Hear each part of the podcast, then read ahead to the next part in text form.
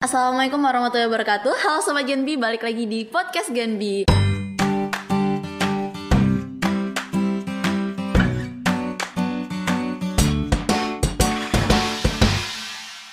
Nah, kali ini kenalin aku Salvia Yunisa dari Divisi Pendidikan Genbi Riau 2020. Aku bakalan nemenin kalian dan memandu podcast kali ini di episode 3 kali ini. Sebelumnya, aku mau jelasin dan beritahu kalau hari ini kita bakal ngebahas ada apa sih antara Bank Indonesia dan Genbi sendiri. Nah, kita juga bakal bahas seputar Bank Indonesia nya sendiri, seputar Genbi-nya juga, dan tentunya pasti tentang pendaftaran beasiswa Bank Indonesia yang akan dibuka nih. Nah, kebetulan sekarang ini Sofia udah ditemenin sama seseorang narasumber yang udah kami datangkan dan pastinya udah berkaitan langsung dengan dengan podcast kali ini. Nah, beliau adalah merupakan pembina dari Genbi Riau. Nah, beliau ada namanya Mas Fahmi Irsyad. Halo, halo Selvi, halo uh, Sobat Genbi. halo Mas, gimana kabarnya nih Mas? Uh, Alhamdulillah sehat. Bener sehat nih Mas, udah rapid Mas?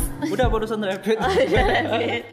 Nah, uh, kan sekarang keadaannya lagi dalam kondisi harus pakai protokol kesehatan selalu kan, Mas.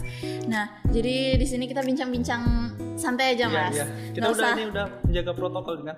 Uh, insya Allah udah udah sesuai lah. Nah, kali ini kita bakal bahas ini, Mas. Yang pertama kita bakal bahas tentang Bank Indonesia-nya sendiri dulu. Kan uh, banyak nih masyarakat di luar sana uh, yang tahu tapi tidak menutup kemungkinan juga banyak juga yang nggak tahu nih mas sebenarnya Bank Indonesia itu apa gitu walaupun kita tahu kan Bank Indonesia juga merupakan bank sentral Republik Indonesia namun karena ada kata-kata bank gitu kan oh, masyarakat tuh kayak sama nggak sih sama bank-bank lainnya atau bisa melakukan kegiatan komersial atau yang lainnya jadi gimana tuh mas apa tuh Bank Indonesia dan apa aja sih tugas dan tujuannya gitu hmm, oke okay. nah Sebenarnya Salvi Bank Indonesia itu adalah bank sentral Bank Sentral Republik Indonesia. Yeah. Tujuan tunggalnya itu yang adalah menjaga stabilitas nilai rupiah. Nah, itu adalah mandat uh, Bank Indonesia itu sendiri menjaga stabilitas nilai rupiah. Nah, stabilitas nilai rupiah itu tercermin terhadap dua hal, yaitu stabilitas terhadap barang dan jasa itu uh, dilihat dari laju inflasi dan yang kedua adalah stabilitas terhadap uh, mata uang negara lain. Hmm. Nah, itu tercermin dari kurs mata uang nilai rupiah. Nah, untuk mencapai tujuan tersebut, Bank Indonesia mem memiliki tiga pilar. Tiga pilarnya yang pertama adalah menetapkan dan melaksanakan kebijakan moneter, dan yang kedua adalah mengatur dan menjaga kelancaran sistem pembayaran, dan yang ketiga adalah stabilitas sistem keuangan seperti itu. Oh gitu. Terus status dan kedudukan Bank Indonesia sendiri gimana tuh mas? Nah, kalau bicara soal status dan kedudukan Bank Indonesia itu adalah Bank Indonesia itu kan ini uh, lembaga independen Selfie. Iya. Jadi uh, Bank Indonesia itu uh, bebas dari intervensi pemerintah kecuali hal-hal yang diatur dalam undang-undang. Jadi Bank Indonesia itu walaupun dia lembaga independen, dia tetap uh, berkoordinasi dengan pemerintah. Hmm. Uh, dalam hal ini bisa dengan Kementerian Keuangan dan uh, kementerian terkait dan juga Bank Indonesia kan uh, tujuannya menjaga stabilitas nilai rupiah. Nilai rupiah itu kan tercermin melalui laju inflasi. Iya. Nah, inflasi itu kita perlu menjaga inflasi agar tetap stabil. Itu Bank Indonesia tidak bisa bekerja sendiri, dia tetap harus berkoordinasi dengan pemerintah. Jadi seperti ini Bank Indonesia di daerah itu kan dia berkoordinasi dengan pemerintah terkait pengendalian inflasi. Dia berkoordinasi dengan pemerintah, dengan gubernur, dengan ke, uh, dinas dinas perdagangan, dinas PUPR terkait uh, koordinasi dalam pengendalian inflasi itu sendiri. Oh jadi Bank Indonesia bekerja sama lah ya Mas? Ya tetap berkoordinasi dengan pemerintah walaupun iya. dia lembaga independen, cuman ada hal-hal yang uh, diatur dalam undang-undang untuk bekerja sama dengan dan berkoordinasi dengan pemerintah. Oh jadi sebenarnya Bank Indonesia sendiri berbeda ya Mas berarti ya. dari bank-bank lainnya?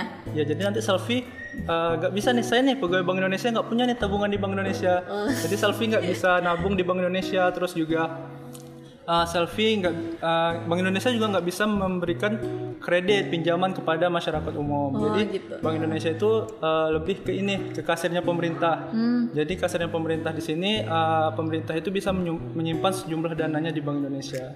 Oh gitu. Nah karena uh, Bank Indonesia juga udah berperan penting lah berarti kan Mas.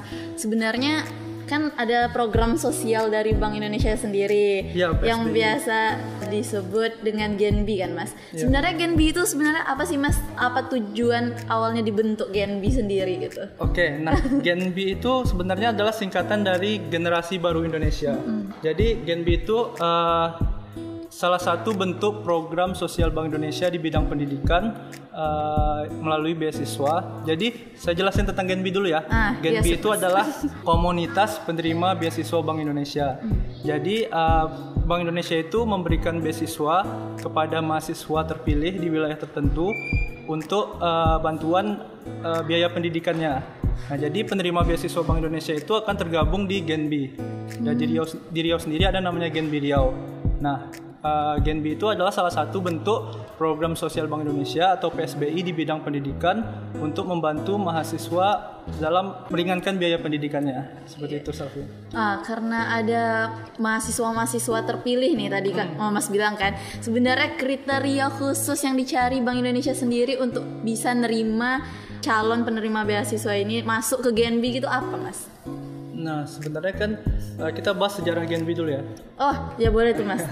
Jadi Gen B itu di Riau itu sendiri Gen B itu udah ada sejak tahun 2014. oh Nah awalnya itu selfie Gen B itu cuman uh, penerima beasiswa Bank Indonesia itu hanya universitas negeri.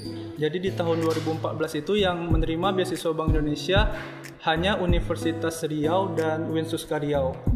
Nah, namun Bank Indonesia itu uh, memperluas cakupan beasiswanya di tahun 2020 itu mencakup universitas swasta. Jadi di tahun 2000 eh sorry di tahun 2019 di tahun 2019 semester kedua itu Bank Indonesia melakukan asesmen terhadap beberapa uni- universitas swasta dan terpilihlah Lancang Kuning. oh iya. Jadi semenjak tahun 2019 uh, ada tiga penerima, ada tiga kampus penerima beasiswa Bank Indonesia. Masing-masing itu 50 orang. Ada Universitas Riau, itu S1 ya Selvi. Oh, iya, Terus Winsuska Riau dan Universitas Lancang Kuning. Dan di tahun 2020 sekarang ini Iya, tahun kita sekarang. sedang melakukan uh, Bank Indonesia kembali melakukan asesmen terhadap universitas yang ada di Riau. Iya, makin untuk- banyak berarti iya, ya, Mas, untuk ya? mem- memperluas cakupannya biar lebih banyak lagi mahasiswa yang bisa dibantu. Nah, sekarang itu uh, ada tiga universitas lagi yang mendapat beasiswa Bank Indonesia. makin rame ya Mas Makin ya. rame. Dan Siapa juga- aja tuh Mas? Siapa aja ya? Yang pertama adalah Universitas Muhammadiyah, Oh Mama dia. terus uh, Politeknik Negeri Bengkalis, Hmm. dan yang terakhir adalah Sekolah Tinggi Teknologi Dumai. Oh Nah, dan juga semenjak tahun 2020 Undri yang awalnya itu uh, mereka mendapatkan 50 orang itu menjadi 75 orang. Itu S1-nya ya. Karena uh, akreditasinya udah A. Terus yang Politeknik Negeri Bengkalis itu untuk D3-nya. D- Umri itu 50 S1, 25 orang untuk D3-nya. Oh, gitu. Sementara untuk STT Dumai itu uh, S1-nya sebanyak 50 orang. udah banyak juga ya Mas ya. Jadi tahun depan makin rame lagi B Iya, ya Mas. makin ramai, makin bisa berkontribusi untuk negeri. Iya, amin. Terus gimana nih Mas? Ah. Eh, Perihal kriteria tadi, kalau kita kan banyak kan Mas kriteria yang harus tercukupi lah bisa masuk Gen B gitu Mas. Apa tuh Mas? Nah, kalau kriteria sendiri kan eh, yang paling penting ya di luar syarat administrasi ya mereka harus memiliki jiwa sosial. Karena Gen B itu sendiri adalah komunitas yang bergerak di bidang sosial. Hmm, iya. Jadi nanti mereka itu harus eh, peka terhadap masyarakat, peka terhadap lingkungan sekitar. Jadi mereka itu kan di Gen B sendiri itu ada beberapa divisi tuh Selfie. Oh, ada divisi apa aja tuh Ya, Mas? Nah, di Gen B itu ada enam divisi. Yang pertama Divisi. itu uh, ada divisi kesehatan. Nah, Kesehatan. itu mereka bergerak di bidang uh, kesehatan lah kan. Iya. Mereka mengadakan sunat massal, terus posyandu dan lain-lain. Terus apalagi di masa pandemi ini kan mereka Iya, sangat paling- banyak berkegiatan. Terus ada divisi lingkungan, terus divisi uh, Pendidikan. infokom, Ah, divisi pendidikan. Terus apa lagi Selvi? Ada divisi kewirausahaan. Kewirausahaan dan yang terakhir ide kreatif. Ah. Ide dan kreatif. Pastinya ide kreatif yang paling eh, berat ya Mas ya. Iya. Lalu gimana tuh Mas eh, tujuan Bank Indonesia tuh mau membentuk Gen B sendiri gitu? Nah, Bank Indonesia itu membentuk Gen B sendiri kan seba- sebenarnya sebagai ini, Selfie.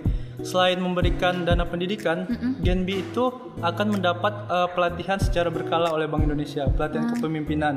Iya. Dan mereka juga dibimbing untuk peka terhadap lingkungan sekitar, mengadakan kegiatan sosial yang bermanfaat untuk masyarakat. Jadi setiap tahunnya Gen B itu diharuskan membuat program kerja yang bermanfaat untuk masyarakat.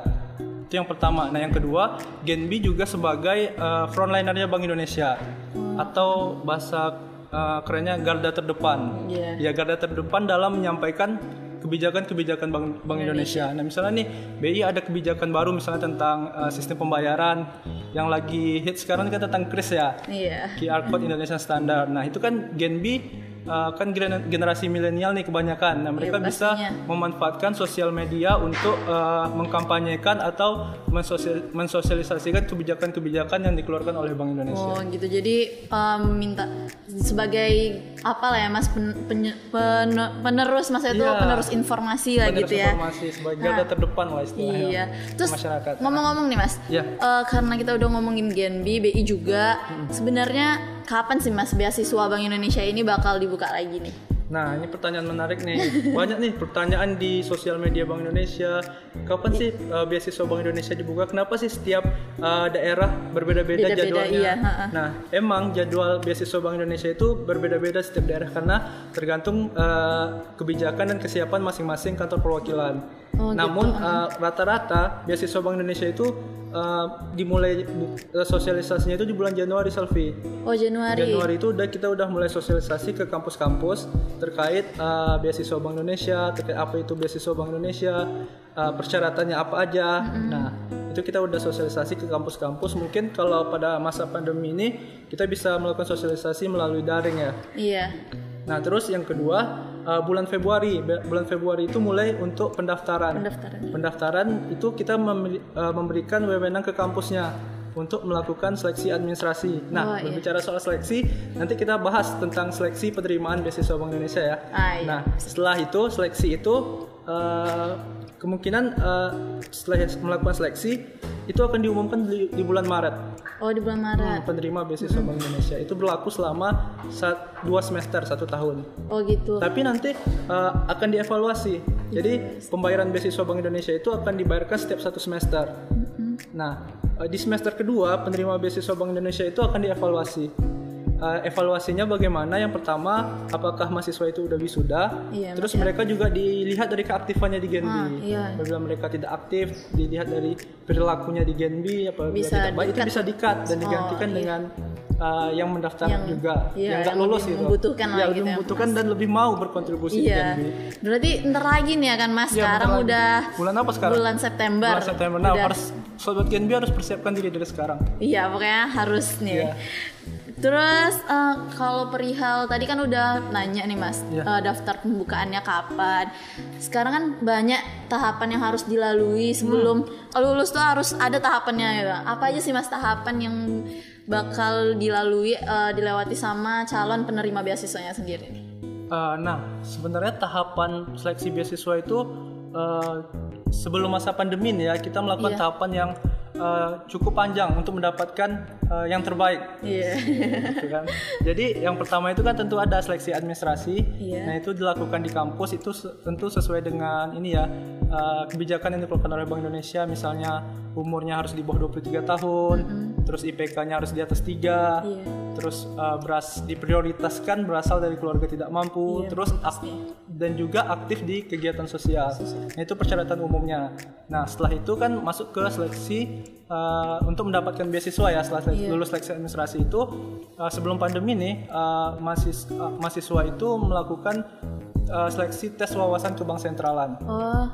Nah, setelah lulus ke bank sentralan, itu mereka melakukan uh, kegiatan sosial. Mereka dibagi secara tim karena nanti nantinya di Genbi itu kan uh, komunitas yang fokus di bidang sosial. Jadi seleksinya kita ingin melihat nih mahasiswanya bakal uh, mau nggak nanti berkegiatan di Genbi, terutama di bidang sosial ya. Iya. Itu uh, kegiatan sosial secara tim. Mereka nanti diminta untuk membuat suatu kegiatan sosial secara tim. Terus yang terakhir Uh, ini bukan yang terakhir yang keempat itu FGD Focus Group Discussion Iya. jadi setelah mereka melakukan kegiatan sosial mereka itu berdiskusi tentang apa aja sih kontribusi mereka di sana tentang aktivitas sosial yang mereka lakukan Hmm. dan yang terakhir itu adalah wawancara dengan pegawai Bank Indonesia Pastinya deg-degan ya Mas ya. Ya, tentunya. Bagi penerimanya deg-degan ya. Nah, tapi selfie ada yang karena kita sekarang di masa pandemi Covid-19, jadi kan itu kan seleksinya banyak tatap muka tuh. Iya. Kita kan harus menjaga protokol kesehatan, terus dilarang berkumpul rame-rame. Nah, Nah, iya. kita melakukan penyesuaian terhadap seleksi beasiswanya. Oh, jadi jadi gimana tuh Mas? Jadi kita uh, lebih banyak menggunakan online. Online Yang Zoom ya pertama Mas. Zoom, terus kita melakukan penyesuaian. Yang pertama kan kita melakukan seleksi administrasi nih. Iya. Setelah lulus administrasi, uh, penerima calon penerima beasiswa BI itu diminta untuk membuat video Instagram, video singkat, Oh, 3 video menit, Instagram. ya Hmm, iya, tentang uh, peran dan tugas Bank Indonesia, terus tentang uh, aktis- aktivitas sosial apa aja yang mereka pernah lakuin, mm-mm. terus ketika mereka masuk Genbi, uh, program kerja apa ya saja yang bisa mereka tawarkan. Oh, gitu. Nah setelah buat video Instagram itu baru kita masuk ke seleksi wawancara akhir dengan pegawai Bank Indonesia. Karena ini di masa pandemi kita wawancaranya melalui uh, online, bisa Oh, online. platformnya bisa Zoom, bisa WhatsApp dan lain sebagainya. Berarti banyak lah tahapannya ya Mas berarti kan. Iya. Terus kalau perihal persyaratan administrasinya sendiri nih Mas, yang harus dilengkapi itu apa gitu biar nggak ada yang ketinggalan Kalau administrasi yang pastinya uh, mahasiswa itu mengisi biodata biodata yang ya dis- dipersiapkan oleh Bank Indonesia. Itu ada template-nya. Nanti kita kasih ke kampus. kampus. Mahasiswanya bisa minta di kampusnya masing-masing di bagian pengurusan beasiswa. Iya Mas. Terus uh, ada fotokopi kartu identitas, boleh KTP atau KTM yang masih berlaku ya. Iya, Terus pastinya. yang kedua itu ada fotokopi kartu hasil studi Oh, KHS. Karena kita kan lihat IPK-nya. IPK-nya Iya. itu kan kalau universitas negeri itu minimal IPK-nya 3. Tiga. Kalau universitas swasta itu minimal IPK-nya 3,25. Oh, 3,25 lebih tinggi ya Mas ya? Iya. Terus uh, membuat motivation letter. Nah, motivation letter ini penting nih di sini Selfie. Karena di situ kita melihat uh, kenapa sih uh, mahasiswa ini atau calon penerima beasiswa ini layak mendapatkan Iya, beasiswa benar, Bank benar. Indonesia. Di sana harus buat sebagus mungkin, gak usah banyak-banyak. Uh, maksimal dua atau tiga halaman aja. Karena bosan juga kan bacanya Iya, iya Mas. Terus uh, terus buat resume pribadi itu biasanya seperti kurikulum vitae ya, Oh, CV, CV, iya. tentang uh, mahasiswa itu. Terus yang terakhir surat rekomendasi dari satu tokoh akademik ataupun non akademik. Iya. Nah ini uh, juga ada surat keterangan tidak mampu. Oh, nah itu ya. diprioritaskan. Ah, Karena beasiswa Bank Indonesia reguler ini diprioritaskan untuk uh, mahasiswa yang tidak mampu Iya, benar-benar. dan juga harus aktif di Genbi. Iya pastinya. Terus kalau ngomong-ngomongin apa mas, sebenarnya eh, apa sih yang bakal didapat sama mahasiswa itu kalau udah lulus beasiswa ini gitu? Hal-hal apa aja gitu? Nah, uh, seperti yang saya jelaskan tadi kan uh, beasiswa Bank Indonesia ini uh, mahasiswanya itu tidak hanya mendapat uh, bantuan biaya pendidikan. Setelah menerima beasiswa, penerima beasiswa Bank Indonesia akan tergabung di komunitas yang dinamakan Genbi Riau. Nah, di Genbi itu sendiri nanti mereka akan dibina untuk uh, peka terhadap lingkungan sekitar, terus juga mereka akan mendapatkan pelatihan kepemimpinan secara berkala. Uh, terkait dengan uh, pengembangan sumber daya manusia mereka karena mereka kan harus dipersiapkan untuk menghadapi uh, dunia kerja kan setelah lulus apakah mereka mau buka usaha atau melamar kerja terus Iya. yang kedua uh, mereka juga ini diikutkan di setiap kegiatan Bank Indonesia. Oh. Jadi nih misalnya Bank Indonesia ada melakukan uh, seminar ini, seminar, tentang sistem pembayaran, uh, s- me- melakukan expo. Nah itu kita akan melibatkan Genbi karena Genbi adalah bagian dari Bank Indonesia itu sendiri. Mereka adalah garda terdepan untuk membantu Bank Indonesia menyampaikan ke- kebijakannya. Iya. Seperti itu, Genbi. Selfie. Wah, mungkin itu aja sih mas pertanyaan yang Ah, ah. udah menghajar, yang uh, Menghajar ya? ya menghajar udah banyak kali pertanyaannya. Mungkin sampai situ sih mas. Iya. Sebelumnya Safia ngucapin makasih ya mas Iya, sudah sama-sama, Salvi. meluangkan waktu untuk podcast kali ini. Dan bagi teman-teman jangan lupa untuk uh, share podcast ini ke teman-teman uh, kalian lainnya karena pastinya kami tunggu kedatangan kalian di Genbi yang akan datang. Semoga kita bisa berkumpul dan semoga podcast ini bermanfaat bagi kita semua. Dan satu hal lagi jangan lupa follow akun sosial media kami di Instagram dan Twitter di @genbiriau dan di subscribe YouTube-nya di Genbiriau Eh, dan pastinya eh, mohon maaf sebelumnya kalau aku salah ngomong atau ada yang eh, nggak jelas minta maaf dan untuk mengakhiri podcast kali ini kita mau tagline nih mas tagline Gen Biriau. Oh iya, iya Gen Biriau. Nah, tagline-nya itu adalah Gen Biriau energi untuk negeri. Jadi siap, siap. kalau bisa teman-teman yang ada di sini bisa bersuara ya.